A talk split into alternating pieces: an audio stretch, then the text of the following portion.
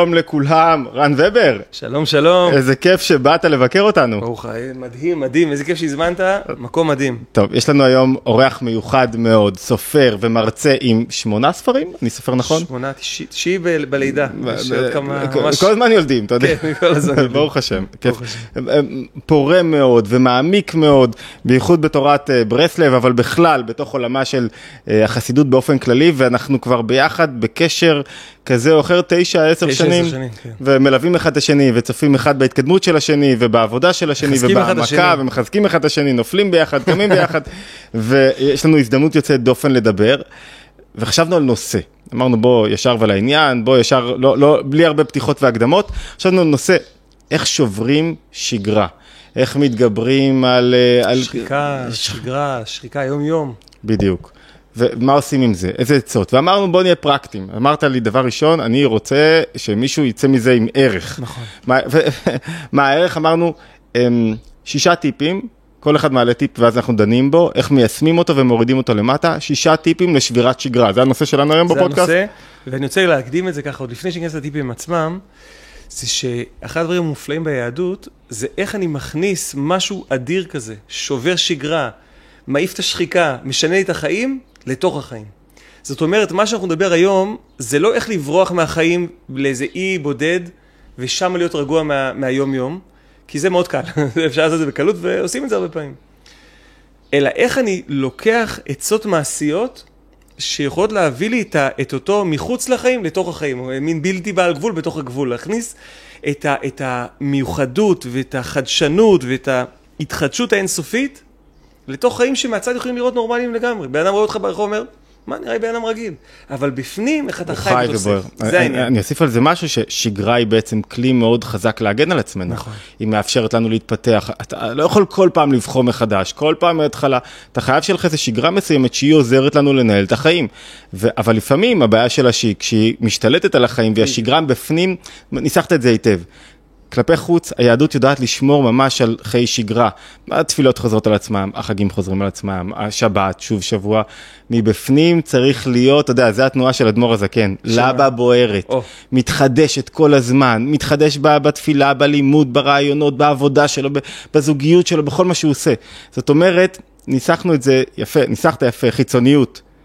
השגרה יש בה אלמנט מאוד נכון, מקל על החיים. נכון. איך אני יכול לחיות בשגרה? נכון. כל פעם מחדש. ל- ל- ל- מצד שני, בפנימיות, אתה איך? לא יכול לסבול שגרה.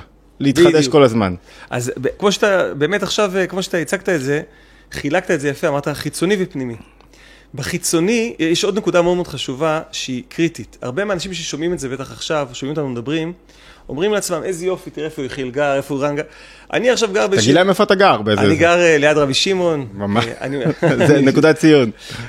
בכפר שמאי, בגליל, ואני מקווה שיהיה לנו גם הקלטה שמה, וואי, בעזרת השם, נזכה לזה. אבל עכשיו בן אדם נמצא באיזושהי מציאות חיים מסוימת, והוא אומר לעצמו, איך אני עכשיו, אני יושב, אני רואה את הסרטון הזה, איך אני מביא את הדברים האלה לתוך החיים שלי? וזה היופי של מה שאני מקווה שאנחנו נגיע אליו היום, וזה מה שהייתי רוצה לתת הלאה. כי, כי לראות, יש אנשים שמפרסמים סרטונים כדי, ל- אה, יש אנשים שמתעסקים בשיווק דיגיטלי. אז בלי להזכיר שמות, בלי לדבר על אף אחד ספציפי, אבל יש אנשים שמתעסקים בשיווק דיגיטלי. אחד הדברים תחום נהדר. שכן, אחד הדברים שמושכים אבל אנשים לבוא אליהם, זה שמצלמים בכל מיני מקומות אקזוטיים, בתאילנד, באפריקה, בכל מיני מקומות. ואז כשהבן אדם רואה את זה, זה מעורר בו איזה משהו, אומר, וואי, אני רוצה להיות שם. המטרה שלנו היום זה איך אני רוצה להיות פה. איך אני מביא... במקום שלי, בחיים שלי, במציאות שלי. שמבחינה חיצונית, אני באותו מקום בדיוק, רק שהחיים נקודה שלי- נהדרת. נקודה נהדרת, שאני לא רוצה את החיים של מישהו אחר. בדיוק. כשאני רוצה את החיים של מישהו אחר, אני לא חי את החיים שלי, אני גם לא אגיע לחיים אמיתיים, אני לא אתחדש. זאת אומרת, כל אחד בתוך uh, המקום חיים שלו, המסגרת שלו, הקושי שלו, הדירת שלושה חדרים בגדרה, שלפעמים אני מקנא בה. כן. כן, בואו כן, תיסעו אתם שעתיים נסיעה, כל פעם, כאילו. נכון, נכון. אז, אז, אז נקודה נהדרת, שתי נקודות. אחת, התחדשות בפנימיות, בחיצוניות אפשר שגרה לפעמים, כי היא מגנה, ספורט חייב שגרה, לימוד חייב. שגרה. אני, אני אחדד את זה רק, שזה יהיה ברור לכולם.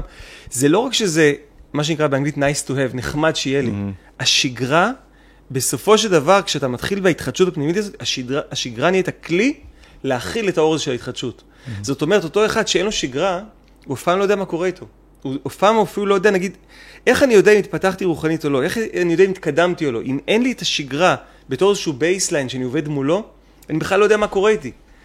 פעם מישהו סיפר לי על, אה, על איזה מישהו שהיה באיזושהי מערכת יחסים, ואז הוא פתאום שבר את זה והלך למקום, הוא, הוא לא יודע מה קורה איתו. הוא משנה את הבחוץ כל הזמן, והוא לא יודע אם אני השתניתי או לא, האם השתפרתי במילימטר, האם יצאתי קצת מה, מהעצמי, כמו שאתה, בעזרת השם תדבר על זה היום. השגרה, היא נותנת לנו את המדדים, היא נותנת לנו את הכלים, היא נותנת לנו את השמירה. זה חלק מהעניין של היראה, של, של השמירה של הגדרות, שמאפשרים לי לצמוח, שמאפשרים לי לגדול. אני אוסיף על זה, אתה יודע, עוד הקדמה אחת. אנחנו עכשיו בהקדמות לא, נפלאות. אמ, הרבה פעמים השחיקה היא אמיתית, אדם חש נכון, שחוק מהמציאות שלו, ממציאות חייו, מהזוגיות שלו, מההורות שלו, מהילדים שלו, מהעבודה שלו, מהמקום שלו, הוא חש שחוק, זה, זה אמיתי, זה לא מדומה. נכון. וקשה לו יותר והוא מחפש את השבירת שגרה, את ההתחדשות, דווקא במוטיב החיצוני. שעליו הוא צריך לשמור, ובמקום כן. לחפש את ההתחדשות בפנימיות. זאת אומרת, ההתחדשות בפנימיות היא זאת שמצילה אותך גם משחיקה בחיצוניות. אני אגיד לך, אני אוסיף לך על זה, באים אליי הרבה פעמים זוגות, אה, לא עלינו, על סף גירושים.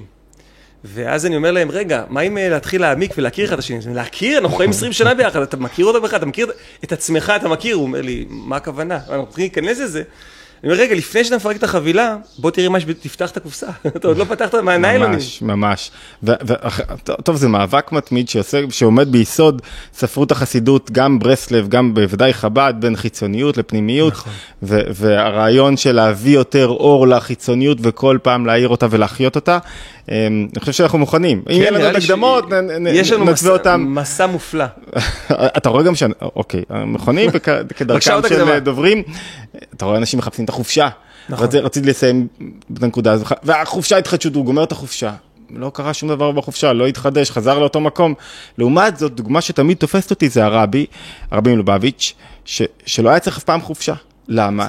כי כשאתה מתחדש מבפנים, אתה לא צריך חופשה. אני, אנחנו אמרנו שאנחנו לא נדבר על ספרים פה, נכון? אבל אמרנו שלא, לא, אמרנו שנדבר על ספרים, לא נקדם ספרים. לא לקדם ספרים. כן, כדי שלא יהיה בפודקאסט הזה. אבל אני חייב להגיד משהו על זה. בדיוק. כשהתחלת לדבר על חופשה, בספר החדש, אני לא אזכיר את השם שלו עכשיו, כדי לא לקדם אותו, שאתם חייבים לקנות. אז בספר החדש, אני מביא את הנקודה הזאת שהטעם, הוא, הוא, הוא, הוא נמצא אה, זה לגמרי, מעשה מחכם כן, ותם. ותם, הוא נמצא לגמרי בנקודה שלו, ואני מביא שם את הדוגמה של הרבי שלא יצא לחופשה. אני מביא בדיוק את הדוגמה הזאת שהחכם כל הזמן מחפש בחוץ התחדשות, והתם לגמרי בעניין שלו, ואז הוא לא מחפש חופ- חופשה, כי זה החופש האמיתי. כי הוא נמצא בתוך החופש, הוא חי את החופש. אז הנה, עכשיו, אה, אחרי כל ההקדמות שלנו, טוב, זה מעניין, לפודקאסט אחר, זה מעניין אותי שבחרת לכתוב על סיפור שהוא די אה, מוכר ונכתב עליו המון, נכון. וזה אנחנו מעניין לראות את ההתחדשות שבו ואת הביאור החדש שבו, זה, זה מעניין אותי מאוד. טוב, איך עושים? כמה טיפים. זה לא, אני רק... אחרונה, כמה טיפים, לא, שאנחנו לא באים מלמעלה למטה, זה לא שיש לי בכיס איזה את כל הידיעות ולמי שהולך, כן. אנחנו מציעים דרכי נכון. עבודה, דרכי התבוננות, הראשונה הייתה שלך אני חושב. אוקיי, אז, אז נצלול לתוך זה, כן. הראשונה היא לצלול לתוך משהו. אז הטיפ הראשון, או העצה הראשונה, או הנקודה הראשונה, היא נקראת בברסלב התבודדות, ואני רוצה קצת לפתוח את, ה, את המעטה הזה, את המושג הזה, שהרבה פעמים אנשים שומעים את זה התבודדות, אז עכשיו אני איזה מוזר ביער כזה. התבודדות זה קודם כל דבר קריטי כל כך בחברה שלנו, כל כך קריטי ביום שאנחנו נמצאים, ב- ב- בשימוש ברשתות ובטלפונים, ופתאום בן אדם מכיר אלפי אנשים. איפה הזמן שלי עם עצמי? השחיקה מגיעה הרבה פעמים מזה שאני נמצא כל הזמן בחוץ. אני כל הזמן נמצא באינטראקציה עם אנשים אחרים, אני כל הזמן עונה לצרכים שלהם, מתנהג בצורות לפעמים שאני בכלל לא מחובר אליהן, אבל הן צורות חברתיות. יש בזה גם הרבה מאוד טוב, כמו שאמרנו שבשגרה יש טוב. כשאני הולך, כשאני הרבה פעמים נותן את הדוגמה הזו בשיעורים, בן אדם שמע עכשיו שיעור על המקדש. על המקדש והחורבן, ושצריך לבנות, כל מי שלא בנה את בית המקדש וכדומה, והוא הוא בוכה על זה וכואב לו על זה, והוא הולך לעבוד למחרת בבנק. ובבנק הוא עובד בתור פקיד, ומישהו בא אליו ואומר לו, אפשר למשוך 400 שקלים בחיוך, והפקיד אומר, זה מה שמעניין אותך, כסף זה מה שמעניין אותך, מה עם בית המקדש? יש פה איזשהו משהו לא מתואם, יש משהו ש... אז הוא צריך להתנהג עם אותו לקוח בצורה נורמלית, אבל בינו לבין עצמו, האם יש לי זמן ביום, שאני שם את כל העולם רגע בצד, ואני נמצא עם הרצונות האמיתיים שלי, עם, הח- עם התשוקות שלי, עם החיבור שלי לאמת שלי, לקשר עם השם יתברך, לקשר עם עצמי, לחשוב על הזוגיות שלי, לחשוב על הילדים שלי. יש לי זמן כזה ביום? וההתבודדות היא קודם כל, היא מתחלקת להתבודדות חיצונית ופנימית. זה כבר כתב על זה רב, אה, רב, רב אברהם, אה, הנכד של הרמב"ם בעצם, או הבן של הרמב"ם, אה, במספיק לעובדי השם, לפני הרבה מאוד שנים, בעצם ראשונים. הוא כתב שבן אדם יש לו התבודדות חיצונית ופנימית. מה זה התבודדות החיצונית? זה קודם כל לפרוש מרחב, מהעולם. שאתה, מרחב. שאתה בו, הטלפון סגור ואתה בדיוק. במקום שקט. קודם כל. עכשיו, זה לא משנה, מישהו פעם אמר לי, ואם אני חילוני, ואם- זה לא משנה בכלל. לנתק את עצמך לרגע מהבלי העולם, מההתעסקות בעולם, גם, גם מהחשיבות של העולם, גם מהדברים, לא רק מהאבל, גם הדברים הכי חשובים, לנתק אותך רגע. לתת לעצמי, זמן לתת לעצמך לפרספקטיבה. כן. אז, אז אה, לפעמים כשאני מדבר עם אנשי עסקים, אני אומר להם שהתבודדות זה כמו הישיבת דירקטוריון, שהכי חשוב, זה הזמן הכי חשוב. למה זה הזמן הכי חשוב? הרי עשייה זה דבר קריטי. אם אנחנו לא מוציאים לפועל את הדברים, להשפיע. אנחנו חייבים לעשות. אבל מה אני עושה? ולמה אני עושה את זה? לעצור, לקחת לעצמי כל יום כמה דקות, אני לוקח שעה ביום, אבל כל, אפילו כמה דקות, חמש דקות. כל אדם שאין לו שעה אינו נקרא אדם. למה? כי אם אין לך, אם, הרי מה הפירוש? אם אין לך שעה לעצמך, אין לך, לא סליחה, אין לך אדם שאין לו שעה. זה, זה מסכת אבות. זאת אומרת, הפירוש הרגיל זה שאין לך אדם שאין לו את הזמן שלו. כן. הפירוש הפנימי אומר, אם אין לך שעה לעצמך, אז- ושעה זה פנייה בנפש, השם שואל לאבל ומנחתו. אם אין לך פנייה בנפש שהיא רק לעצמך, שהיא בלי הרעשים, שאתה מצליח לסגור את עצמך רגע, ולא להקשיב לכלום, אתה יודע מה? אפילו לא להקשיב לאשתך ולילדים שלך. כלום. אפילו לא להקשיב, ל, ל, כאילו כרגע אתה עכשיו לבד רגע עם, עם איזו תנועה של, תנועה הרבה יותר גבוהה בנפש. מה שקורה שם בתוך ההתבודדות, ההתבודדות זה כבר שיחה בפני עצמה. נכון. אבל הטיפ הראשון זה, תתחיל להיכנס למקום הזה, אם יש לך את המקום הזה, בנ... אם אין לך אתה לא אדם. כי אתה מה, אתה, הכל שולט בך, בכל המקומות, מכל הכיוונים שולטים בך.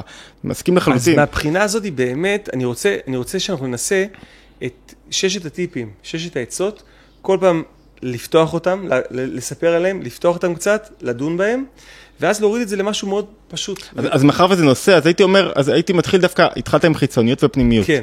אז הפנימיות, אני חושב שהיא דורשת דיון בפני עצמו. נכון. מה, מה, מה המסע הפנימי שאתה עושה? כן. החיצוניות היא קודם כל החלטה. אני, אני לא יודע, שעה זה גדול להרבה אנשים אחרים. כן, אמרתי, אבל, אבל חמש יש לך טווח זמן של עשר דקות, רבע שעה, שבו אתה כרגע, אין כלום, אתה אפילו לא לומד בו.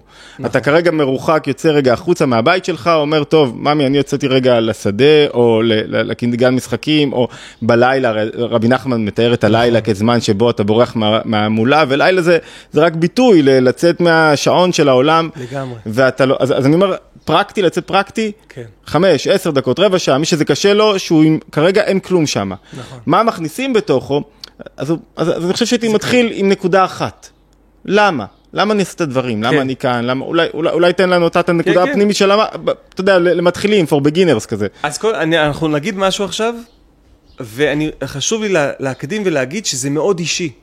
ולכן כל מה שאנחנו אומרים עכשיו זה עצות, אבל עצם זה, כמו שאמרת, שבן אדם לוקח לעצמו כמה דקות, שם את, את כל המולת העולם בצד, הדבר הזה הוא ממש מציל חיים. וזה לא משנה כרגע איפה אתה נמצא בחיים, ולא משנה מה אתה עושה בחיים. כל אחד יכול לעשות... פעם היה מישהו בא לאיזה שיעור ואמר לי שהוא עובד בנמל אשדוד, והוא על, ה, על ה, הקריינס הענקיים האלה, ויושב שם בגובה, אני לא יודע כמה עשרות מטרים. הוא אומר, יש לי שם חתיכת מקום טוב. חתיכת מקום, אני... אה, אה. עכשיו, הוא אומר, אבל... וזה הדבר המדהים, אולי זה מה שאני רוצה להגיד פה. יש המון אנשים שאומרים, התבודדות? אני התבודדות, אני כל היום בודד, אני כל היום לבד, אני שומר בבית ספר, אני, אני עובד ב, ב, ב, בכספות של הבנק. אבל הוא לא פוגש את אבל עצמו. הוא לא פוגש את עצמו, כמו שאמרת, זה הנקודה. אני צריך לפנות זמן בלי... מה הבעיה עם טלפונים? לא, כי אם אתה עם טלפון, אתה לא לבד. ברור. אתה עם כל העולם. אתה יודע מה, הייתי מוסיף על זה עוד משהו, הרבה פעמים, נראה לי, ככה על פי הפרשנות שלי, אני לא, לא, לא נותן לך מראה מקומות, הרבה פעמים אנשים באים עם הטרדות שלהם להתבודדות. זאת אומרת, אתה תחסר לי, ו, ו, אז הבאת משהו, אז אתה עכשיו, אתה, אתה, הרי הרעיון הוא שתפגוש את עצמך, את הפנימיות, את המקום הגבוה, לא דרך הטרדות. כאילו תשים, הטרדות זה חלק מהמולת העולם. כן. יש זמן לתפילה, תתפלל על טרדות, תתפלל, ת, תתמודד איתם, תחשוב כן. מה עושים איתם, זה, לא, זה כרגע לא הזמן. עיקר העבודה זה להתנקות מתוך כל הרעש כדי להתחבר למשהו גבוה יותר בנפש, גם- כדי לשבור את השגרה, זה הנושא שלנו. נכון, נכון. ואם בנקודה אתה. מביא את השגרה לתוך, ה... אז, אז כן. כאילו את הצרות שלך, אז, אז לא עשית את המהלך הזה. אז קודם כל, יש לזה, יש לזה גם הרבה מאוד מקום. התבודדויות שמדברות על, על נקודות שקשות לך בחיים. עצם זה שאתה מסיח את הדבר, ישיחנה, דאגה בלב איש, ישיחנה. עצם זה שאתה מדבר על זה, זה כבר בשביל יכול זה אתה לא. צריך להתבודד, דבר עם חבר שלך, מדבר עם אשתך, אתה דבר עם מה מדבר- שיש תפילה. אתה מדבר גם, אתה, עוד פעם, יש בהתבודדות הרבה מאוד רבדים, אחד מהם הוא של בקשה ותפילה, אבל אתה נגעת בנקודה שאתה אומר, בוא נראה איך אני מתרומם מתוך השגרה. אני, אני אגיד לך זהו, מה המטרה פה, כן. כאילו שנראה לי, המטרה פה היא הרי לבדוק רגע את החיים שנראים לי כאילו הכל כבד, נכון. הכל חוזר על עצמו, אני לא רואה פה שום דרך לצאת. זו נכון. המטרה גם של הפודקאסט, של מקרים שבנפש אני אומר, וואו, אני חייב להתרענן קצת, להתחדש. נכון. אחת הדרכים להתחדש, אמרנו מבחינה פנימית, זה להכניס. אור חדש. נכון, נכון. אור חדש, אתה צריך לשבור רגע את כל מה שאתה מכיר כן. ואתה יודע. הטרדות הן שוברות, אבל אם אתה מונח בהן, אתה, אתה נותן להם להשתלט עליך גם במרחב הזה שרגע שברת, כן. אז, אז לא, לא הבאת אור חדש, הבאת את אותו... אז באמת, קודם כל לבוא לשם, אחד העצות שאפשר להגיד בתוך הפנימיות של התבודדות, זה לבוא ולא לדעת בכלל מה הולך לקרות. זאת אומרת, בחיי היום-יום, אם, אם עכשיו אשתי אומרת לי שקרה משהו עם אחד הילדים בגן וצריך ללכת לעשות כל מיני, בדיוק. אז זה מאוד מאוד אני פרקטי. מתחבר לזה מאוד. אבל איך אני עכשיו נמצא במקום שאומר, אין לי בכלל, אני לא יודע, אני בא לפה נקי, אני בא, הנה השם ברך, אני יצאתי מהעולם, אני עכשיו פה איתי, איתך, אני עכשיו פה במרחב, ובוא. נראה מה צף פה, בוא נראה מה עולה פה, ובוא נראה איך אני יכול לחוות משהו שהוא מחוץ לתפיסה הרגילה שלי. לתת איזה, אני לפני כמה ימים, מישהו שאל אותי אתמול, אמרתי לו שאני 13 שנה מתבודד, ברוך השם. אז הוא אמר לי, רגע, אבל זה לא נהיה משעמם? לא גמרת את המילים שלך? גם לאכול. לא נהיה משעמם לך. זה- זה קודם כל שאלה. אמרתי לו, תקשיב, לפני כמה ימים הייתה לי איזושהי התבודדות, שפתאום עלו וצפו דברים שבכלל לא דמיינתי, חשבתי שזה לא אני מדבר אותם. התחדשות מדהימה, ואמרתי לו, ואני אגיד לך את האמת, עשרות התבודדויות לפני זה היו בסדר כאלה. והנקודה היא לא להתייאש, פשוט לבוא, לקחת את הזמן הזה, לקחת את הכמה דקות האלה, לקחת את המימד הזה של התחדשות, שבו אני פורש מהעולם. דרך אגב, הרבה מאוד רעיונות טובים מגיעים בהתבודדות, זה עוד טיפ בתוך טיפ. כשהרבה פעמים בן אדם בתוך השגרה שלו, כמו שאמרת, יש לו טרדות מסוימות ויש לו פתרונות להם, טרדות ופתרונות. פתאום כשהוא עוצר והוא לוקח כמה דקות של התבודדות, פתאום צפים ועולים בתוכו דברים אחרים, שהוא בכלל לא דמיין אותם, לא צפה אותם. זו התחדשות נפלאה, וזה ממש אוויר לנשימה. למרות שהייתי שם על זה איזה סייג אחד, של תמיד להיזהר מלא לסטות למקומות, אתה יודע, מחשבה כשאתה נותן לה לברוח בלי שליטה, כן. יכולה להגיע לעברי פי פחת למקומות עלי היסטור. אז- אז גם בכל מקום אתה חייב כן. לשים לה את ההגדרות שלה, להגיד, להגדיר מה לא נכנס פה, מה גמור. לא שייך נכון. לעסק הזה, כן. מה לא שייך, אדם יכול לשבת, יצא להתבדות וכל הראש שלו בעכשיו אה, בעניינים, כן. אז- זאת אומרת חלק מהקטע זה, אוקיי, אני חושב שנדחוף טיפה קדימה, כי אנחנו בזום אאוט, נכון? כזה כן, כן, בראייה כן, כן. מסביב. העצה שלנו, אני מסכם אותה בצורה הכי פרקטית שיש, 5, 10, 15 דקות, שעה, שעה זה פנייה בנפש, שבה העולם לא תופס אצלי מקום. זהו. אני יוצא מהעולם. יוצא מהעולם, מה, מה יקרה שם עכשיו? נתחיל בצעד ראשון אמרנו, שאלת הלמה, התחלת עם, עם שאלה כזאת יותר גבוהה רגע. מה אני עושה פה בכלל? מה קורה פה? כן, קצת, לא, לא במובן של לשים את עצמי במרכז, אלא במובן של להתבונן יותר גבוה. עצה שנייה, אמ, אני חושב שבלי ללמוד, הכוח של השכל הוא הכוח המשנה והכוח ההתחדשות החזק ביותר. נקודת החוכמה היא מקור ההתחדשות. ונקודת החוכמה היא האחראית על שבירת השגרה ועל שבירת השחיקה. כשאני כל פעם מצליח לבעור מבחינה שכלית, זה משפיע עליי על הרגשות נכון. ומעורר אותי. מה המסקנה, מה הטיפ? לימודים, אבל מה זה לימודי שמחה? לימודי שמחה זה לא סתם כל דבר ללמוד, זה ללמוד דברים משמעותיים שעוזרים לי, אחד, להכיר את עצמי ואת הנפש, שתיים, לימודים שעוזרים לי להבין עכשיו את מבנה העולם, מה זה ביטחון, מה זה שמחה, מאיפה הם נובעים. יש אין ספור פלטפורמות, אתה עוסק בזה בספרים, אני עוסק בזה כי זה היסוד של, של, של החיים עצמם, מה זה, אני עוסק במשהו שאותי בעצמי מער- מעורר, שאותי בעצמי כן. מעסיק, אבל לימודי שמחה זה שאתה לוקח, אם אני לוקח את הרעיון הגדול ושם אותו בצורה פרקטית. את הטיפ השני שלנו זה לקחת 15 דקות עד עכשיו, עכשיו עוד 15 דקות. אוקיי. חצי שעה, לא נורא ביום, אתה חצי לא. שעה. אנשים מבזבזים את הזמן על זה נכון. ככה, על אנשים, אנחנו. עוד 15 דקות לפחות של לימוד כן. אמיתי, פנימי, של נקודה, שמלמד אותך מה זה שמחה, מה זה אה, התבוננות, איך אתה צריך לראות את החיים, איזה משקפיים להרכיב, איך אני, איך אני יכול לראות את המציאות של בורא בתוך העולם, מה זה אומר לי, מה זה אומר לי שבורא שמהווה כל רגע את המציאות שלי, מה זה אומר לי ביטחון, מה זה אומר לי הפך מביטחון, חרדה. כן. זה, זה לא לימוד אוניברסיטאי, כי המטרה שלו, כמו שאמרת, היא, היא אה, אה, להוריד למטה, אבל הוא לימוד שלאט לאט גדל, זאת אומרת עוד רבע שעה, עוד רבע שעה, עוד רבע שעה, אם אפשר להגדיל לשעה זה תמיד טוב. שאלה ואז- כזאת שעה כזאת, בסוף יענו. אתה יודע, לא, התחלתי עם זה, אני אגיד רק איזה הערה כללית, התחלתי לפני חודשיים, מישהו אמר לי בדיוק את העצה הזאת שהוא רבע שעה, עשר דקות ביום לומד, וזה משנה לו את היום ואת וואו. החיים. התחלתי לעלות פודקאסט יומי, פודקאסט, לימוד יומי, כן. ליוטיוב, ואתה גם מתחיל לעשות את זה בקרוב בעזרת. השם, וזה. וזה ממש לי, אני אומר, בואנה, עשר דקות האלה, אני, אני חייב להתחדש בהם כל פעם, ו-. ולראות. אני רוצה, אני רוצה להוסיף את מה שאמרת עכשיו, אני, אני, אנחנו רוצים שה, שהפודקאסט, שה, שהשידור הזה יהיה מאוד מאוד פרקטי, אבל אם אנחנו מדברים על לימוד, אז אני אוסיף עוד רובד שקשור לזה, שהוא קצת להעמיק את זה ולהבין מה קורה.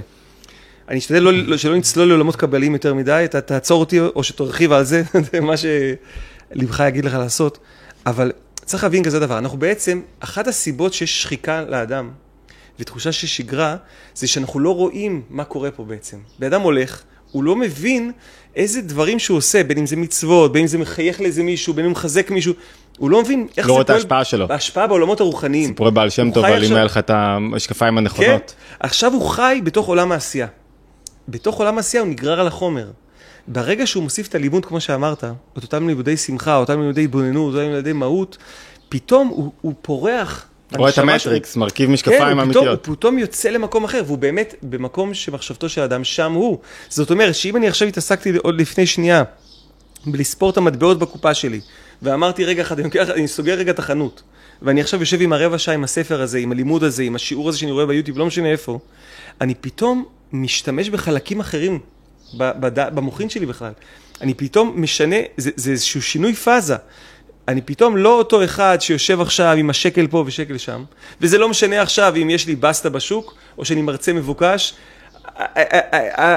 במירכאות שטויות, או ההתעסקות עם, עם הפרטים הקטנים של החיים לפעמים, היא מושכת את כולנו, והיא חשובה גם, כמו שאמרנו, אבל לפעמים מתישה.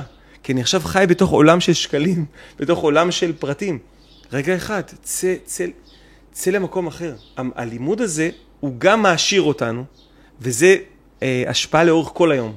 אבל באותו רגע שאנחנו מתעסקים בו, אנחנו דבוקים באותה תורה, אנחנו דבוקים באותה, באותה מחשבה, בהתבוננות, אנחנו יוצאים לרגע מהמקום השחוק הקטן, שקשור למציאות שנראית לי כיומיומית. נוסיף על זה אולי שזה מהות השכל. מה מהות השכל? זה הכוח היחיד בנפש, הרגשות מורידים אותנו. נכון. הם משפילים אותנו למטה, מקרבים אותנו לעולם. השכל מרומם אותך. כן. מעלה אותך רגע להתבוננות של מה העולם אומר לי, מה, מה, מה, אתה, עכשיו מגביה את עצמך קצת יותר, ואז ממילא זה סודק לך, שובר לך את כל, ה, את כל השגרה, את כל המציאות שאתה חי, ולכן אולי נעשה את זה בצורה כאילו קצת אה, אלימה, כן. אדם שלא עוצר להתבונן וללמוד לא יכול להיות מאושר, לא יכול לצמוח באמת, אלא אם כן הוא רק מתוך החומר, כן. ותמיד הוא יהיה לתוך הסך. אין כדבר להתפתח בלי ללמוד, כמו שאפשר להיות בריא בלי לאכול בריא ולעשות ספורט. ואני, זה דיון בפני עצמו שאנחנו חייבים ל... בעזרת השם. על... אבל אני אתחבר למה שאמרת קודם, שזה דבר קריטי, כי הרבה אנשים...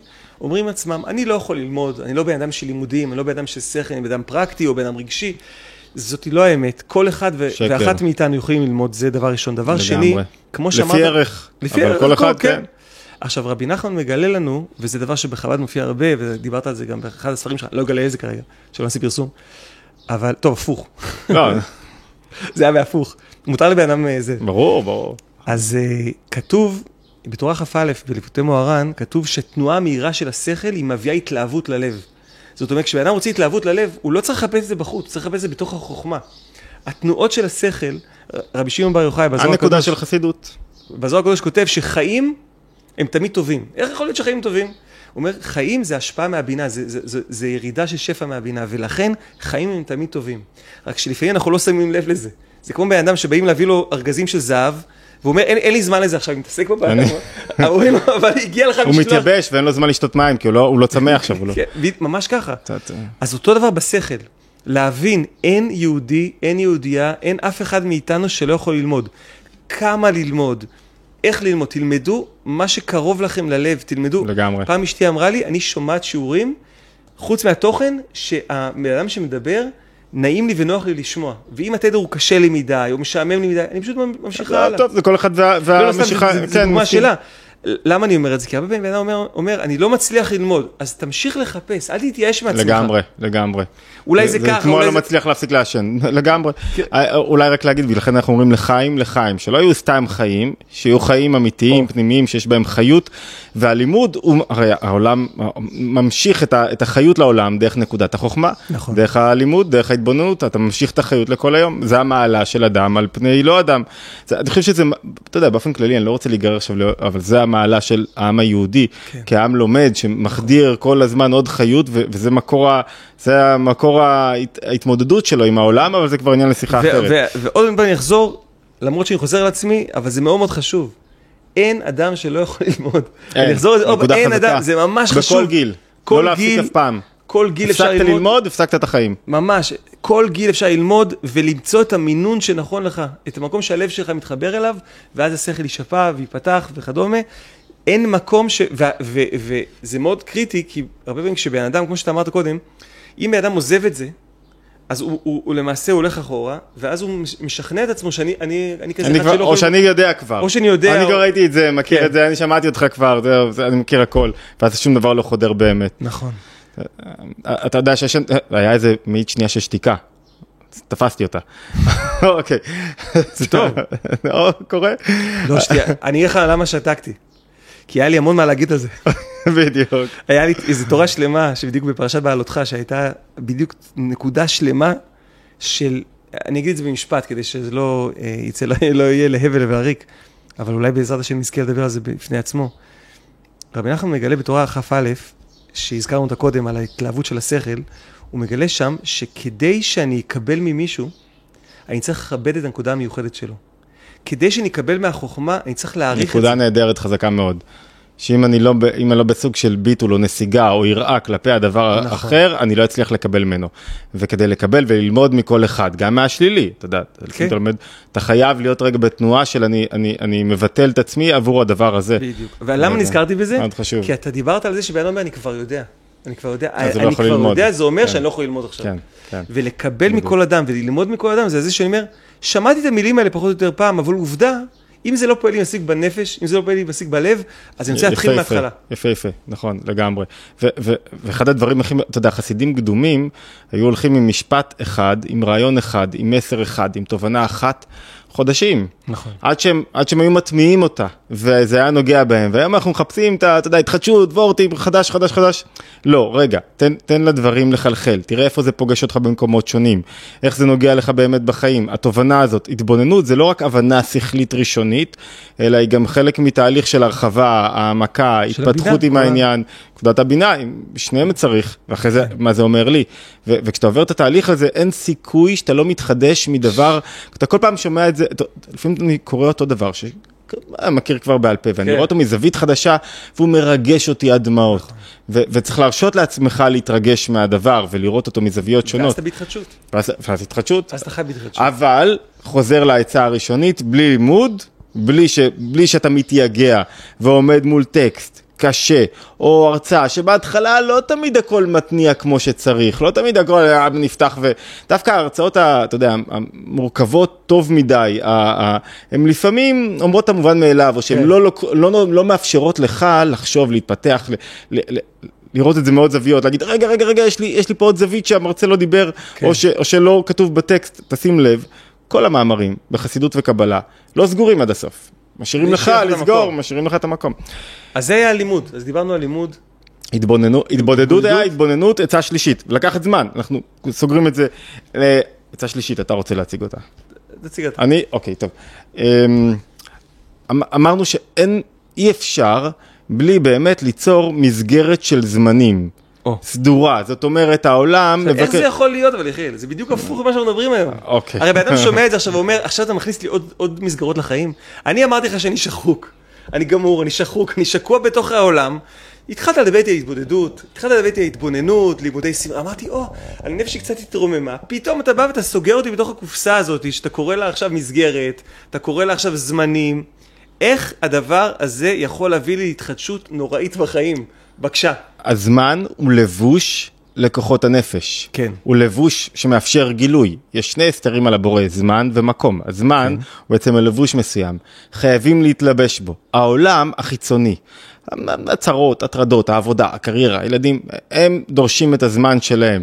אומרים בוא תקריב פה עכשיו מחיר בזמן. כדי להתפתח בדיוק באופן הפוך, כדי לנצח את הזמן, כדי, כדי. להכניס התלבשות אחרת, חייבים ליצור סד זמנים ברור. שעות, מתי אתה עושה מה, אתה לא יכול להשאיר לה, נגיד לי את זה, טוב אני אלמד, אה, למדתי שבוע שעבר, טוב אני אתבודד, טוב אני עכשיו יושב, מ- מ- מ- עושה משהו מסוים שקשור לנפש שלי. אז חייב, אז הסדרים, אז עכשיו מה שאתה מגלה לנו, זה שהסדרים דקדושה נקרא להם, הסדרים שאתה קובע, של דברים, אני, נכון שאני הולך לעבודה, ויכול להיות שיש לי עכשיו יום עבודה עמוס, אבל אני קבעתי לעצמי זמנים מסוימים של לימוד, זמנים של התבודדות, סודק את העומס. ואז הדבר הזה דווקא עוזר לי, זה הפוך ממה שבן אדם חושב. לגמרי. אתה מוסיף על עצמך מחויבות לעצמך של מה שאתה רוצה ומה שאתה... פעם מישהו סיפר לי שהוא היה עורך דין, שחזר בתשובה, והיה לו חבר שגם היה עורך דין. נו, כל העורכי דין צריכים לחזור בתשובה. בעזרת השם. אז היה לו חבר שהיה גם עורך דין, והעורך דין השני אמר לו, תקשיב, אני מיואש מהמשרד, אני חייב להפסיק, אה, לעבור לעבודה אחרת. אז הוא אמר לו, אולי תלמד גמרא בערב. הוא אומר לו, "איך- אני מדבר איתך עכשיו על העבודה שלי, על, היום-יום שלי. ואתה מוסיף לי עוד, עוד גמרא בערב, הוא אומר לו, תנסה. אחרי כמה זמן הוא אומר לו, נו, מה קורה? הוא אומר לו, לא, לא מעניין אותי בכלל, הכל יסתדר בעבודה. אני רק איש איזה סוגיה, אני עכשיו לומד את זה, אני עכשיו מעמיק בזה, פתאום... לגמרי. אור ידי- חדש מפציע באופן, לא לחכות לספונטניות. או, אז אתה- לבנות, לבנות, בתור ש- שנינו כותבים, לדעת לכתוב, פעם מישהו אמר לי, "א- איך, איך, מה עושים, איך, אמרתי פשוט תכתוב. הוא אומר לי, ואיך שוברים את מחסומי הכתיבה? אמרתי לו, אין מחסומים, פשוט תכתוב, יש לך, תקציב לעצמך זמן. תכתוב, תכתוב, תכתוב. תלטש, תלטש, תכתוב. כן, אוקיי? לא משנה, תערוך, תלטש, תקרא, ת- אבל, אבל פעם מישהו סיפר לי סיפור תבוא לעבודה. בקיצור, בדיוק. תבוא לעבודה. זה בדיוק מה שרציתי להגיד. יש לי חבר שהוא עושה המון דברים מופלאים, ואחד הדברים שהוא עשה, הוא היה נהג של להקות רוק. זה היה, חזק. זה היה אחד התפקידים שלו. הוא סיפר לי על אחת הלהקות, אני לא זוכר אם זה היה טיפקס או אתניקס, אני לא זוכר עכשיו איזה להקה. והוא היה אמור לקחת אותם בשמונה בבוקר מהבית, לקח אותם לאולפן עד 12, שמונה עד 12. עכשיו, הוא אמר לי שבהתחלה הוא לא הבין מה קורה. לפעמים היו משחקים ביליארד, לפעמים היו רואים, רואים אה, סרטים מצוירים. הוא היה אומר, הוא היה אומר לעצמו, זה, זה, להקת, זה להקה, ואז הוא הבין שהם קבעו לעצמם ארבע שעות שהם נפגשים כל יום. חלק זה חזרות, חלק זה חומרים חדשים, אבל כמו שאתה אמרת, אני בא לעבודה. עבודת עכשיו- הרוח, עבודת עבודת הרוח, הפנימית. בדיוק. כן, כן. וברגע שאני בא לעבודה, אז אני מרחיב לעצמי את הטווח, אני עכשיו לא רק עושה את היום-יום הרגיל שלי, אני מכניס יום-יום חדש. לגמרי, אתה יודע, אולי אני אוסיף על זה רק נקודה אחת. אמ, הרבה פעמים בעיני אנשים, יש, יש אנשים שביניהם זה נראית עבודה נחותה. פחות חשובה מהעבודה החיצונית. זאת אומרת, אם אני מציב את זה בצורה הכי כן. בהירה, קריירה, אה, אה, הישגים, פוליטיקה, זה הפריים של החיים. לעומת זאת, להבין מה קורה לך בפנים, מה זה הלקאה עצמית, איך אתה מתבונן, מה איך העולם בנוי, איך הנפש שלך בנויה, זה אה, מותרות, זוטי הדברים, זה, זה, זה, זה, זה לאנשים חלשים, וההפך הנכון לגמרי. בדיוק. כשאתה שם במרכז את הקריירה, את העבודה, לא שהם לא חשובים, כן. וחשוב שתאיר בהם הפנימיות, אתה שם את העגל הזהב בתוך הבית שלך, בתוך החיים שלך, וזה העגל, ובסופו של דבר, אתה יודע, הרבה פעמים אנשים כשהם מבינים, כשהם עובדים על עצמם פנימית, הם חוסכים כל כך הרבה התרוצצות ועבודה חיצונית. אתה מחזק את הביטחון שלך, אתה חוסך בעיות והתמודדויות וריצות וטראומות, לא לדבר רק כפשוטו במובן הבריאותי, אלא גם ביכולת שלך לראות הזדמנויות עסקיות, חברתיות, זוגיות. זאת אומרת, העבודה הפנימית, אני מנסה לשכנע אותך רגע, כן. שהזמן שאתה משקיע בזה, הוא, הוא בסופו של דבר צריך לגדול ולהיות יותר מאשר הזמן שאתה משקיע בעבודה. לא רק- לא אולי רק זה. משפט אחרון רגע, כן. הם- אתה אתה יודע, אפילו אנשי עסקים גדולים, חבר'ה רציניים, אתה לא משנה אם אתה גדול או קטן, כן, נכון. ההצלחה החיצונית היא רק זאת נכון. שנותנת לנו לדבר על זה, כאילו בוא נלמד ממנו. חייב לקום בבוקר, להשקיע חצי שעה בלימוד, קריאה, בהתבוננות, בעצות הקודמות, אבל אם אין לו את הסדר יום הזה, הוא נשאב לתוך העבודה, לתוך הפלאפון, אז אז כאילו העולם החיצונית שואבת אותו, ומה נשאר לו בפני- בתוך עצמו. לגמרי. ובאמת בנקודה הזאתי, המקום הזה שאומר, שחז"ל אומרים לנו, איזו השיר השמח בחלקו. אז יש פה, בדרך כלל שמים דגש על, ה, על החלק, על, אבל מה הנקודה פה? אם בן אדם מצליח חיצונית, אבל אין לו עולם פנימי שתומך בסיפור הזה, אז הוא, הוא, הוא שבר כלי. לגמרי. הוא הצליח בחוץ, אנחנו לא מקטינים את זה. אבל למה הצלחתי בחוץ? התגרש פעמיים ורב כן. עם אשתו ו- אז מה זה נותן לי? וסובל כל היום מחרדות. בלי לתת דוגמאות, אני שמעתי סיפורים, אני, אני גם כשהיה לי סטארט-אפים, אז פגשתי אנשים, מיליארד, באמת אנשים שיושבים על מיליארדים, לא מדובר פה על אנשים... ואתה רואה, אם הבן אדם עבד על הפנימיות שלו, אז כל הכספים וכל ההצלחה מתועלת לנושא הבא שאנחנו תכף נדבר עליו, אבל מתועלת למקום טוב. ואם הבן אדם לא, הוא מרגיש את הריקנות, היא לא נעלמת. משתלטת עליו. חשוב להבין שהריקנות, אני אומר לכם את זה בתור מישהו שהיה לו סטארט-אפים, המון עובדים, והתעסקתי הרבה בעולמות האלה, זה- מי שזה הקריאה שלו, מי שזה הייעוד שלו, נפלא, תלכו על זה, אבל תבינו. לא, שזה אני- נהדר, כן, לגלות אמרתי, מי ש- חובה, כל מי ש... אבל אם זה לא מחובר לעשייה הפנימית, ללמה? ללמה, למה גבוה יותר ואיך אתה מביא טוב לעולם. אז, אז, אז הריקנות היא אוכלת אותנו מבפנים לא פחות, ואולי אפילו... אוקיי. רגע, אני רוצה לעצור אותך. אנחנו בדיוק נכנסים לנקודה הבאה, הרביעית שלנו, שאומרת לנו, לא, לא, רצ, רצית אבל לסגור, אני חושב עוד מילה. כן, רציתי להגיד עוד משהו על, על המסגרת, דבר קריטי, שידוע לכל מי שעושה דיאטה, כושר וכדומה. הרבה פעמים אדם אומר, מה זה משנה מתי אני הולך לישון? מתי אני קם? זה לא כזה קריטי, זה קריטי מאוד. לגמרי. הקביעות הזאת היא בונה משהו נפלא בנפש, והמלחמה שלנו בשגרה ובכוחות שמושכים אותנו לעפר, היא דווקא על ידי הקביעות הקדושה הזאת, שאנחנו בונים לעצמנו מערכת שאנחנו, הרבה פעמים בן אדם אומר, אוף, אני נמאס לי שאנשים אומרים לי מתי אני צריך לקום, אף אחד לא אומר לך, אתה אומר לעצמך. הרעיון בעצה הזאת, זה שאתה בעל הבית על הלו"ז, ואתה תבנה את הלו"ז שהכי נכון לך. אם אני מסכם את העצה, כן. כל אחד בתוך היומן שלו, שעות השכמה, שעות שינה, חברותות, איפה, איפה, קראנו לזה לוז דה קדושה לעומת לוז העולם, נכון. איפה אתה קצת צודק את, ה, את השגרה כדי להכניס פנימיות. נכון. לימוד, משהו יוצא דופן מתוך סדרת העצות שנתנו, או עצות אחרות שקשורות ל, להתקרבות פנימית, להתעוררות והתחדשות. אוקיי, וזה מוביל אותנו ישר, אני מקשר את הדברים האחרונים שלך אמ, לעצה הרביעית, זה מתקדם. העצה הרביעית אומרת, תשמע, אתה תמשיך להישאר קליפה, אם כל היום תעסוק בעצמך. אם כל היום רק תחשוב מי אני, אני בסדר, מה אני, איפה אני, למה אני. העצה אולי, אני חושב שזו העצה החשובה ביותר, שקשורה בלצאת מעצמך, ויש לה משמעויות פרקטיות אדירות בלצאת מעצמך. אז בואו, קודם כל, מה זה? מה זה, ואחרי זה נראה למשמעויות. אז מה זה בכלל? מה זה לצאת מעצמך? כפשוטו, להפסיק לראות את עצמך כמוקד, כמרכז העולם, כישות, ולהתחיל לראות דברים אחרים. מה השליחות שלך, שזה שווה פודקאסט בפני עצמו, כן. מה אנשים רוצים ממך, מה צריכים ממך, מה העולם צריך ממך, מה, לראות את הזולת, לראות את השומר בגן, לראות חברים, לצאת רגע מהראייה שרואה רק את עצמי. פעם, פעם כשלמדתי בפסיכולוגיה, אז אמרו לי שהיה, אני לא יודע אם זה אמיתי, אבל מספרים לך כל מיני סיפורים, אז אמרו לי שהיה מבחן בפסיכולוגיה חברתית בארצות הברית באחת האוניברסיטאות, שחמישים נקודות, 50% מהציון היה מה השם של השומר של הקמפוס. יפה. הוא חברתי, בוא נראה אם אתה חברתי. חזק. בוא נראה אם אתה יוצא מה, מה, מהנקודה של עצמך. יש פה משהו קריטי שאני רוצה להעביר, למרות שבאמת, אה, חב"ד זה עולם על לצאת מעצמך, זה זאת אני, אני מרגיש... זה ש... המסר המרכזי, כן, אני, אני מרגיש ככה אה, קטן ושפל בכלל לדבר על זה, אבל יש פה נקודה מאוד מאוד עמוקה, אני רוצה כבר לתת למאזינים שלנו נקודה מאוד עמוקה בלצאת מעצמך, או להיות תקוע בתוך עצמך. למה כל כך הרבה עצבות קשורה בלהיות תקוע בתוך עצמי? למעשה, ככל שאני מתפשט, ככל שהתודעה שלי מתפשטת, מתרחבת, מתחברת למשהו יותר רחב, אני יוצא מהמיצרים, אני יוצא ממצרים. וככל שאני במוחין דקטנות, זאת אומרת, עשו לי, פגעו לי, לקחו לי, מה אני צריך לקבל פה? אז מוחין דגדלות, שכתוב בחסידות, זה איך אני מסתכל על אהבת ישראל, איך אני מסתכל על הכלל, איך... ומוחין דקטנות, זה איך האינטרס הקטן שלי, שילמו לי עוד שני שקלים, לקחו לי עכשיו ארבעה שקלים, ההיא עקפה אותי בתור. ההתעסקות הזאת בקטנות, היא לא רק דבר קטנוני כשמו, אלא היא מקטינה אותי ומצמצמת אותי ושוחקת אותי. אחד הדברים ששוחקים אותי, אחד הדברים ש... אני כן. חושב, אני חושב שזה... שאם אני דוקר את הנקודה, הנקודה היא לא רק אם יש לי ראייה רחבה, כי אתה יכול לראות פקיד, יש לו ראייה כזאת שאין לו ראייה רחבה ואין לו הבנה גדולה, שאני לא אצא נגד מישהו חס ושלום, אבל, אבל יש לו...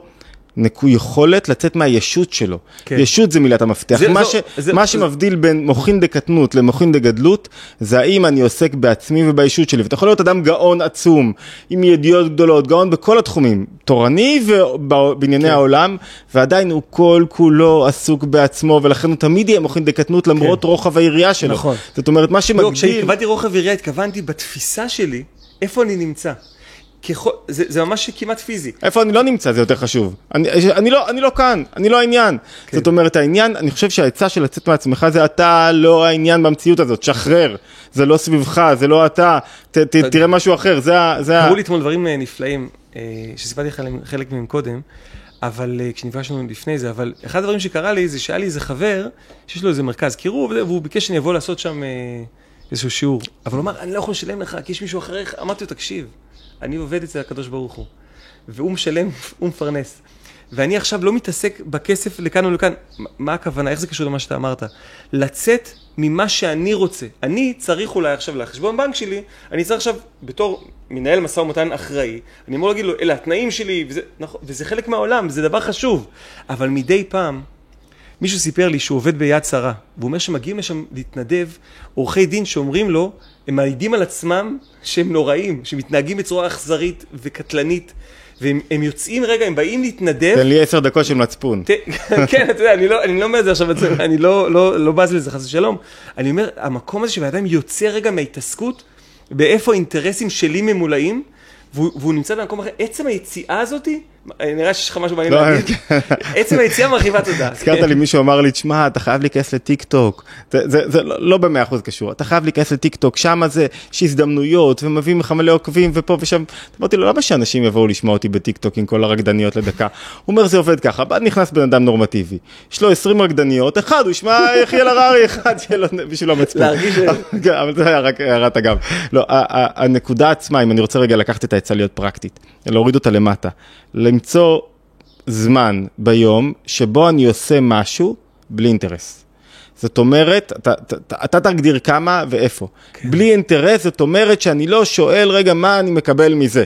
זה יכול להיות לא, לעזור ל, להתנדב במקום מסוים. זה יכול להיות להרצות, זה יכול לתת מעצמך שהאינטרס שלי, גם אם זה התענוג שלי, אם זה הקבלה שלי, אם זה כסף, לא משנה, אני שם אותו רגע בצד ושואל את עצמי, מה צריך ממני כאן ועכשיו במסגרת הזמן הזאת.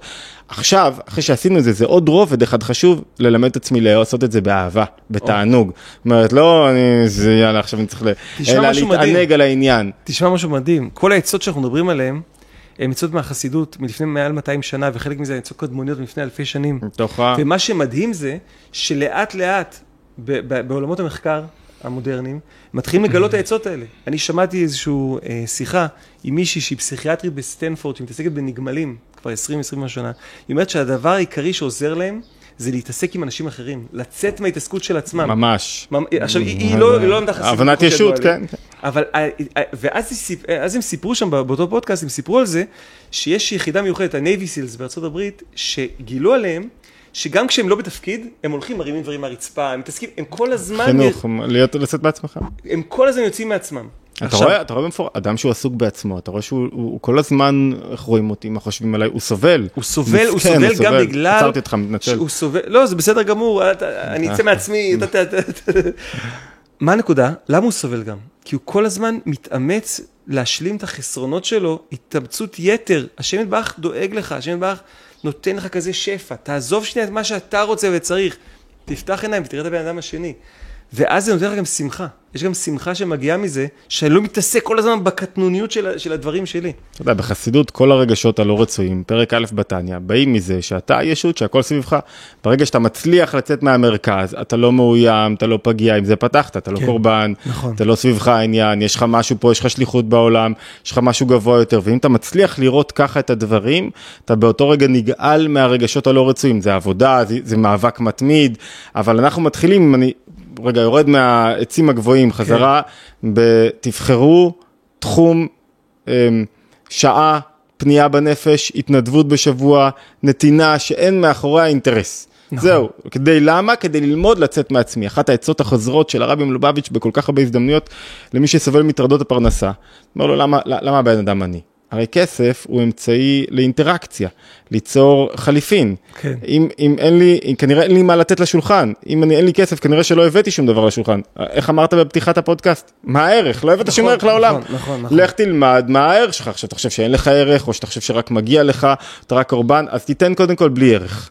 קודם כל תיתן צדקה, תיתן. אתה נותן בלי צדקה ואז לאט לאט מתוך הנתינה אתה תישבר ותגלה את הערך שלך. יש משהו מדהים על צדקה, אני מביא את זה, בדיוק על מוחין וגדלות, באחד הספרים מביא את זה, שניסיתי לקחת את הנושא של צדקה ולהסביר אותו לבן אדם שלא מתעסק כרגע לא במצוות ולא, ולא במוסר. דווקא העולם מבין את זה, העולם אני חושב מבין יותר. למה זה מבין את זה? כי בעצם מה קורה בצדקה? קורה משהו מדהים בנפש. בן אדם בא ואומר, רואים את זה הרבה פעמים אצל ילדים שגדלו בבית שלא היה בו כסף, ואחד ההורים התנהג כמו שאין כסף, באמת, וההורה השני היה בכסף, יש לנו כסף, אין בעיה. הילד גדל בחוסן, בתודעת שפע ובחוסן כלכלי, למה? אותו דבר אצלנו. אם אני חושב שאין לי כסף, אבל אני אומר, יש פה מישהו עני יותר ממני, קח כסף, קח צדקה. הנפש שלי, הרבדים הנמוכים של הנפש אומרים, יש לנו כסף. למה אתה אומר שיש כסף? השכל אומר שאין.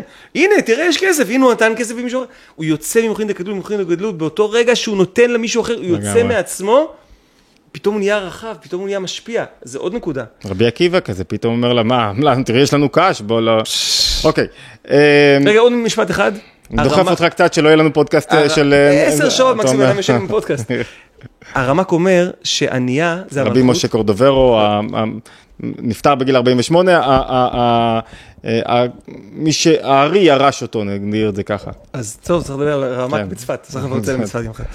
אז הרמ"ק, אחד הדברים שהוא אמר, אה, אתה אומר רמ"ק, כאילו החבר'ה פה הרמ"ק. אה. הרמ"ק אחי הרמ"ק. מגדיר, לא, חס. ושלום. רבי משה קורדברו אמר, הגדיר כל מיני מושגים בפנימיות, הוא אמר שענייה זה בעצם המלכות, ועני זה היסוד. עכשיו, למה היסוד נקרא באותו מצב עני? כי אם אתה לא יכול לתת לשני, אתה מרגיש עניות. יפה. אם אתה לא יכול להשפיע, אתה מרגיש עניות. עכשיו, כמו שאמרת פה, אם אתה יוצא מעצמך ואתה רק ממלא את החיסרון של השני, אתה כבר הפכת למשפיע. מלא. בן אדם אומר, אין לי מיליון שקל לבנות. מוסדות, אז אל תבנה מוסדות, תעזור לבן אדם הזה לעבור את הכביש. נפלא, ממש. אתה מג... זאת אומרת, התוספת האחרונה זה אתה מגלה את עצמך, את ההשפעה שלך, את הכוחות שלך, את הייחודיות שלך, מתי? כשאתה פתאום עושה בלי אינטרס. וכשבן אדם משפיע, איך הוא יכול להיות משועמם? איך הוא יכול להיות שחוק? זה- איך הוא יכול להיות זה- שגור? זה יסוד העבודה ממש. טוב, דוחף טיפה אה, לעצה הש- החמישית שלנו.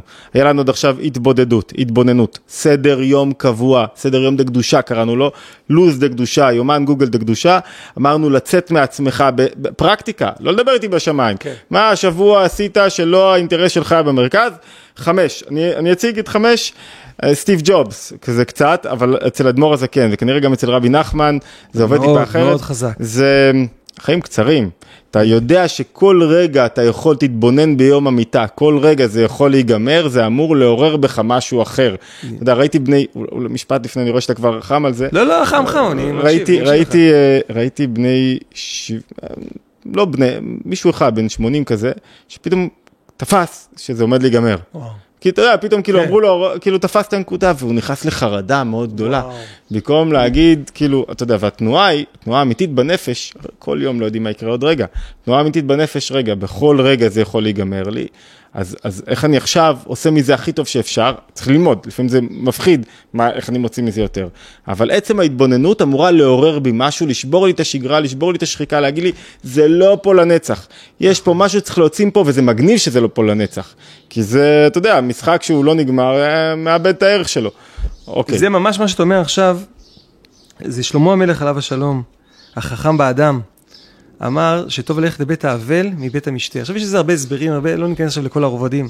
בפשטות, אתה הולך למקום שבו אתה רואה את הסופיות של החיים. הסופיות של החיים לא אמורה לדכא אותך, לא אמורה לייאש אותך. אותך, אמורה להדליק אותך. בדיוק. למה? כי זה אומר לך, אם היה לי עכשיו אלפיים שנה, אז טוב, בוא נעשה את הפודקאסט הזה עוד- אלפיים שנה, יש לי, יחיאל, בוא ניפגש עוד חמישים ותשע שנה, ונקליט משהו. דחוף, דחוף. אבל אם. עכשיו אני יודע שיש לי זמן קצוב בעולם, זה יכול לעורר אותי. יכול חס ושלום לייאש אותי, אם אני לא עושה את שאר העצות ואת שאר ההתעוררויות, אבל אם אני עושה, אז איזה יפה. יופי. יש לי עכשיו זמן לפעול. הגדר מגדיר את הבפנים. הסופיות של החיים... מבליט אותו, מה- מבליט. מרומם אותו, מה- המסגרת, היא ממסגרת ומבליטה את מה שיש בתוכה. מסגרת החיים, יום, יום המיטה ויום הלידה שלנו, הם מכניסים אותנו לתוך העולם. לגמרי. ואומרים, סע, כן. מיכיל, מה אתה כן. עושה עכשיו עם החיים שלך? וזאת נקודה מאוד מאוד קריטית, שהיא מחזירה אותנו לחז... לבחירה. אנחנו לא מדברים היום, לא מעמיקים היום בבחירה, אנחנו מדברים על עצות מעשיות, אבל אני רק נותן את הנקודה של הבחירה. כשאני מבין שיש לי חיים זמן מסוים, וכשאני מבין שהזמן הוא המשאב החשוב ביותר שיש לי בחיים, זה פתאום, אני אומר, רגע, רגע, רגע, האם אני רוצה למכור את הזמן שלי בשביל הדבר הזה? אולי לא מתאים לי. אם יש לי 5,000 שנה, אז אני אעבוד בעבודה הזאת, אפילו שאני לא מתחבר למה שקורה פה. אבל אם יש לי זמן קצוב, פתאום זה נותן משמעות, פתאום זה נותן, כל דבר נהיה הרבה יותר חזק, נהיה, יש מושג בווידאו שנקרא saturation, אה, רוויה, הכל נהיה רווי יותר, למה? כי יש פה משהו, יום שעובר, הוא עוד יום ועוד יום. שלא יחזור. יש דיבור שרבי נתן ורבי נחמן עומדים על איזה, על איזה מרפסת, ומסתכל על השקיעה, ורבי נחמן אה, מסתכל, ורבי נתן אומר לו, נו, איזה, איזה יופי, ואז רבי נחמן אומר לו, עוד. יום שלא פעלנו כמעט כלום. מה הכוונה? לא שלא פעלו, אלא כמה יש לעשות. כ... אני, אני הרבה פעמים, אני אומר ש, שכשמישהו אומר לי שהוא מאוד נהנה מספר, אני גם שמח וגם בוכה בלב. למה? כי אני אומר, איך להגיע לעוד עשרה, איך להגיע לעוד עשרה אנשים. ה- ה- המסגרת של המוות היא יכולה להדליק לנו את החיים. זה, זה, אבל זה להחזיק, לשאת הפכים, נכון. שזה יסוד, בין קדחתנות, לא בריאה, נכון. מסוכנת אפילו, שיכולה להביא להלקאה עצמית ולהתחפרות במקום, נכון. לבין עשייה והבנה שהרגע הזה מדויק עבורי. והוא חשוב. זאת אומרת שאם אני מוסיף עוד טיפה נדבך, טיפה מעמיק, ההתבוננות ביום המיטה היא לא נועדה כדי להגיד לך, רגע, זה נגמר מחר, כמו שהתחלנו, אלא כדי להגיד לך שעכשיו אתה חי זמן נצחי. עכשיו זה נצחי. אם זה נצחי עכשיו, בוא תגלה פה עוד מאור אינסוף בתוך העולם הסופי והמוגבל. בוא תיקח את הרגע הזה שהוא לכאורה סתמי וחסר ייחוד, ותגלה בו את הייחודיות שלו, את, ה, את הבריאה המתחדשת שלו, האמיתית שלו כרגע. ואת זה אתה עושה רק אם אתה מצליח ל... כאילו לקחת רגע זום אאוט ולהתחבר מחדש. כל מי ששומע אותנו עכשיו ומתעסק טיפה בכלכלה או בעסקים, יודע משהו מאוד פשוט. ככל שהדבר נדיר יותר, הוא יקר יותר. Mm-hmm. מה ההבדל בין זהב לחול או לאבנים? שזהב זה נדיר, אז זה נהיה למחיר יקר. זה הכל. עכשיו, כמה הרגע שלך יחיל נדיר? כמה הוא חשוב? או בין. תמונה לציור. כן. ככל שרגע המיטה יותר ברור לנו, אז הרגע הנוכחי נהיה יותר יקר. בדיוק. ככל שהרגע הנוכחי נהיה יותר יקר, זה מעורר אותי להגיד, זה חסר, פתאום עכשיו אני מבין שיש לי כמות מוגבלת של רגעים, זה נהיה שווה. אז, הר, אז הזיכרון של המיטה הוא לא לייאש אותנו, ולא להגיד לנו זה, אלא להדליק אותנו, להגיד, הרגע הזה חשוב. וזה טוב שאמרנו גם את העצה הזאת בתור עצה חמישית ולא עצה ראשונה. כי, כי אתם נשארים לבד בפודקאסט. נכון. אוקיי. אה, אני דוחף טיפה כדי... אה, אני איתך בקצב. כן, אנחנו שומרים על מקצב פודקאסטי, למרות שכל נקודה פה אפשר לשבת עליה עוד שעות נכון. ולהתבונן, והיא ראויה, כן, יסודות של הבנה מעמיקה בנפש. נקודה אחרונה, להפעם. להיום. אם כל זה עבד כמו שצריך. זאת אומרת, פתאום עצרת רגע והתבודדת, אמרת, רגע, רגע, רגע, בוא נעצור את השטף. וגם התבוננת, ואחרי זה אה, יצרת לך מסגרת, ולמדת, ויצאת מעצמך, ועשית בשביל אחרים, והתחלת לחיות באמת. וואי, נשמע כיף, אני כבר רוצה... לא, זה חיים עצמם, אתה, אתה יודע, זה יום שאני לא לומד, יום שאני לא נכון. מתבונן, יום שאני לא עושה איזה משהו שפתאום יוצא מעצמי, זה, זה אני מרגיש שהיום הזה אני. אני חייב להגיד לך משהו על זה. יום אחד באתי לאשתי, ואמרתי לה, אני מרגיש מוזר היום. אני מרגיש ממש מוזר, לא יודע מה קורה לי היום. אני מרגיש נורא. ואז, ואז אני אומר לה, אה רגע, לא למדתי היום. אז היא אומרת לי, נו, זה, זה בסדר גמור שאתה מרגיש ככה, זה מתואם ממה שעשית. כנראה זה ההבדל בין אנשים שלנו, שאתה אומרת לי, תעשה כלים, אתה תרגיש יותר טוב. יש לך הרבה אורות גבוהים כנראה, אתה צריך כלים לאורות. תשמע את זה כנראה, עכשיו אשתי תשמע את זה, וזהו, תעשה כלים, זה פותר הכל, שטוף רצפה, פותר לך את כל הבלבלות. גמרנו עם ה... טוב, אז אם כל זה עובד, מה התנועה, אתה יודע, יהודי קם בבוקר, כן.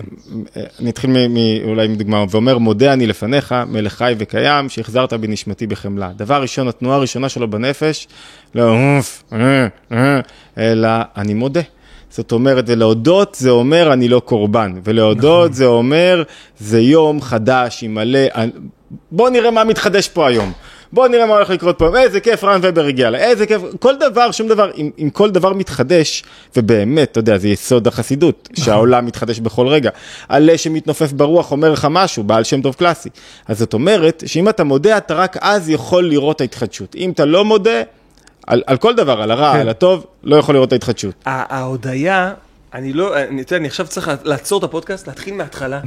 ולעשות אה. פודקאסט איתך רק על הודיה, ולדבר על זה, לצעוק על זה ברחובות, על ההודיה. היום אני התבודדתי, אני, כשיש לי אישורים במרכז, אני הולך להורים שהם גרים בהרצליה, ואז אני מתבודד לפעמים אחרי הנץ, נץ מתי שהולכים... פעם היית אומר הרצליה פיתוח, מחקת או שהם עברו? לא, הרצליה פיתוח. אה, אוקיי, אני לא, אני סתם... אני הולך אה, למרינה, מתבודד שם בים, ואז היום הייתי שם, והרגשתי גלים, לא גלים של מים, גלים mm. של הודיה, אנשים יתברך, על כל המסע הזה. ואמרתי, כל מי שלא מרגיש את זה, כל מי שלא חי את ההודיה הזאת, הוא פשוט מפספס. עכשיו, זה לא שזה אפס או אחד. הודיה זה דבר אקטיבי. כשאתה מודה, זה מפעיל לך את שריר ההודיה. כל מי ששומע אותנו עכשיו, יש כל כך הרבה מה להודות בחיים, ולפע... ויכול להיות שאתם, אה, אה, יש כאלה ציניים, אתה יודע, אנחנו בתוך ארץ ישראל עם כל המורכבות וה... וה... כל אחד יכול להתחיל להודות על הטוב שיש לנו בחיים, וגם על הקושי שיש לנו בחיים. מה, למה אתה אומר לכל מי ששומע אותה, אני, אומר לעצמי עכשיו, אני יכול להעביר שיעור על הודעה, דקה אחרי זה אני מתלונן, נכון. אשתי אומרת, לא הרגע, העברת שיעור על הודעה. נו, זה טבעי לא להודות, לא טבעי להודות. אתה צריך לשבור משהו. ברגע שאתה מתחיל להודות, אז החיים, וזה עוד פעם, משתנה. הם הופכים לאיזשהו ריקוד, לאיזושהי שמחה, לאיזושהי חוויה שונה כל כך, וזה ממש שובר שגרה. זה כאילו ממש שובר, שובר, החוויה הזו של ההודיה, זה כמו מישהו, תדמיינו מישהו שהוא עובד באיזה משרד מונוטוני, שכל הקירות צבועים באפור. ופתאום יום אחד הוא שומע איזה רעש המסדרון, וכל החברים מהמשרד באים עם עוגת יום הולדת, ועם נרות בצבעים אה, זוהרים, והוא, והוא, והוא מרגיש רק הודיה ושמחה. זה יכול להיות כל הזמן. זה, מה זה כל הזמן? כמו שאתה אמרת, בגלים. זה לא שבן אדם יושב... זה לא טבעי, זה עבודה. זה עבודה. זה לא טבעי. גם השמחה היא עבודה. אישית הולדה של וגם לצאת מהקורבנות זה עבודה. זה הכל עבודות, אבל זה עבודות נפלאות. פעם מישהו אמר לי, כשאומרים עבודה, מתכוונים למודעות. מודעות. ומודעות שהיא... והחלטה. בתור, החלטה שהיא באה כבחירה אחרי בחירה בתוך הזמן. זאת אומרת, עבודה זה אומר, אני... זה כמו שבן אדם אומר, אני הולך לעבודה, לא הכוונה, של רוב האנשים היא לא אני עובד חצי שעה בשנה הקרובה, אלא כשאני הולך לעבודה, יש לי מקום עבודה שאני הולך אליו כל יום. יש לי מקום עבודה בהתבודדות, יש לי מקום עבודה בהתבוננות, יש לי מקום עבודה גם בתודה. איך אני מתחיל להודות יותר. זה יכול להיות גם לאנשים אחרים, לאשתי, לילדים וכדומה, או לחברים שלי שהזמינו אותי, ש... שאני שמח לבקר מה שאתה אומר זה בעצם, אם אני אה, פורט אותך, זה לתרגל הודיה גם בקטנות. נכון. כי לא ברור לי מאליו, זה כמו הסיפור על, על שני אורחים שבאים לאורח טוב ואורח רע, שאורח הרע, "אה, זה מה שהוא הציע לי, זה מה שהוא נתן לי, ואורח טוב, מה שהוא מקבל. מודה על זה. עכשיו כל- עוד, משהו. זה- זאת אומרת, אני רק מ- מסכם כן. את העצה כדי להיות פרקטיים. הודיה זה לא מתחילים עכשיו בוקר טוב, תודה לעולם, כולו היוניברס היית טוב אליי, ואמריקה היא טובה אליי, אתה מכיר את זה? כאילו, אה. לא, תודה לאשתי על הבוקר הזה, תודה לשכן, תודה למוסכניק, תודה לזה, ואז אני מתחיל לאט לאט לתרגל, להגיד תודה אמיתית, לא רק תודה מהפה נכון, לחוץ, נכון. אלא באמת אני אני רואה מה שעשית פה, אני רואה מה שנתת לי פה. אני יכול להגיד שבצורה פרקטית, מהחוויה, מהניסיון שלי, התודה היא עבודה מצד אחד, מצד שני, יש מקום שבו כשאתה מיישם את העצות האלה באמת, זה גם פורץ בתוכך. וכשזה פורץ בתוכך, אתה יודע שזה אמיתי. אתה יודע ש... שקרה משהו משמעותי, קרה משהו אמיתי, שעכשיו הוא חי ו- ובוער לך בתוך החיים, והתודה הזאת באמת, אנחנו צריכים אה, בלי נדר זה טוב עולם. על, אה, אה, אני רק רוצה להגיד משהו על תודה, שהוא מגיע דווקא לא מהמקורות שלנו. שמעת, שמעתי מדוקטור אנדרו הוברמן, שחקר את הנקודה הזאת של התודה לאיזשהו פודקאסט שלו, והוא גילה משהו מדהים במדעי המוח, שגם אם אתה שומע על סיפור, או חושב על סיפור של מישהו אחר, למשל, אתה שומע על איזשהו ניצול שואה, שהיה לו מאוד מאוד קשה, ואז איכשהו חילצו אותו בצורה מדהימה, והוא היה מלא בהודיה, כשאתה שומע את הסיפור, ההודיה של מישהו אחר, זה ממלא אותך, ב- ב- Mm. זה מפעיל תודה בתוך הגוף. גם אם אתה לא מודה על משהו שלך, אתה שומע איזשהו סיפור טוב שקרה למישהו, זה כבר נפלא. אתה אומר, גם כשאתה בשיח חברים, חברות, כשאתה מדבר, תנסה להשפיע על אחרים. זו עוד עצה שלא כתבנו לנו אותה או, להיום, הנה, נשמור, אותה. נשמור משהו, כן. קצת בונוס. כן. לא, אבל, אבל גם כשאתה מספר, תנסה רגע לספר את הסיפור לא מהמקום הקורבני, אכלו לי, שתו לי, לקחו לי, אלא, אלא מהמקום של, נכון. של כמה תודה. זכיתי, מה ראיתי פה, ואם כמה הרווחתי ואם פה. אני אחבר את העצה שלו. חזרה לחסידות, אז יום ההילולה, למשל כשאדמו"ר הזקן מספר שיום היציאה שלו מהכלא זה יום של הודיה, זה יום של יום הולדת של החסידות, אז זה ממש מסביר את זה. כי אתה עכשיו מודה על משהו שקרה למישהו אחר בכלל. לגמרי, אבל ברגע. שאתה שומע את סיפור ההודיה הזאת, זה מפעיל בך את, את המערכת הזו של ההודיה, ולא ניכנס לזה מבחינה אה, אה, ביולוגית, אה, מוחית, אה, נוירולוגית וכדומה, התודה וההודיה משנה את, ה, את, הביו, את, ה, את הביולוגיה של המוח. התודה משנה לנו את החיים לא רק ברמה הרגשית הנפשית, אלא ממש משפיעה לנו על החיים. כל, כל תנועה נפשית כל תנועה משפיעה על, נפשית, על, נכון, על, נכון, על נכון. התנועה הכימית ועל ההורמונים וכולי, למה? כי בגלל ההתקשרות בין, בין נפש נפש לבין גוף, לגמרי. שזה הנקודה. טוב, אני חושב שאפשר לסכם, היה, הייתה שעה עפה לי ונהדרת וגם אני חושב פרקטית, לא כן, רק נכון. באוויר. סיכום, התבודדות, התבוד... לא יודע אם צריך את הסיכום, כבר סיכמנו, תעשה- נגיד, התבודדות, לקחת לנו רבע שעה, כן. התבוננות, ללמוד יחד עם אשתך, עם חבר, אמ, מסגרת, להכניס את שתי העצות הללו לתוך מסגרת בתוך היום, מסגרת שינה, מסגרת קימה, מסגרת בקדושה, אמרנו שבה יש זמן וערך לדברים נעלים יותר, אמרנו אמ, לצאת מעצמך, וזה כדי לשבור את עצמך, את האישות שלך באמת, צריך לא מעשים פרקטיים, מה זה מעשים בתכלס? פתאום, למי עזרת השבוע? איזה טוב הבאת לעולם? נפלא. כלשהו, למי עזרת לעצמך? איפה לא היית, עכשיו עשית משהו לא מתוך אינטרס, לא כדי לקבל, לא מתוך מוטיבציית יניקה, אמ, זיכרון יום, טוב, רצית להגיד? תגיד, תגיד. זיכרון יום המיטה, כאילו שים למול עיניך עד כמה הזמן נצחי, לא כדי להפחיד אותנו, כדי לעורר אותנו, הזמן נצחי. וכמה הרגע הזה יקר. הרגע הזה יקר והוא נצחי. אמ, תודה. תודה רבה. טוב רגע, אני אגיד לפני, להירשם לערוץ של רן, שלי, כל הזמן עולים תכנים חדשים, אנחנו מדברים למחשב, צריך לדבר למצלמה. נכון. אה, להירשם לערוץ כדי לקבל את התכנים החדשים, פודקאסטים נוספים שיעלו, אנחנו מחכים גם, אתה יודע, תגיבו לנו. תגידו, אנחנו נענה על התגובות, מה אתם חושבים, מה הייתם רוצים בפודקאסט, איזה רעיונות, להיפגש שוב, לא להיפגש שוב, אתם מחליטים, הצפיות שלכם מחליטות. זאת נקודה, להגיד את זה זו, זו מההתחלה. נקודה חשובה, אנחנו גרים מעל שעתיים אחד מהשני, אבל, בלי נדר, אם נקבל תגובות של אנשים על נושאים שדווקא אתם רוצים לשמוע אותנו, שכל אחד מגיע מזווית קצת אחרת, וזה מעניין אתכם, תכתבו את זה בבקשה בתגובות, בדיוק. ובלי נדר, נזכה לצאת מעצמנו, ולנסוע, ולהשתדל. ולהתבודד בדרך, ולהתבונן על זה, ולקבוע את זה כסדר, ו- ו- ו- ולהגיד תודה על הדברים, ולזכור באמת שכל יום הוא קריטי וכל נקודה היא קריטית. תודה רבה על הקשב שלכם, תודה רבה על הזמן שלכם, תודה רבה יחיאל. תודה לך. שאתה מארח אותי כל כך יפה פה. כיף לחיים. נשתמע פעם הבאה.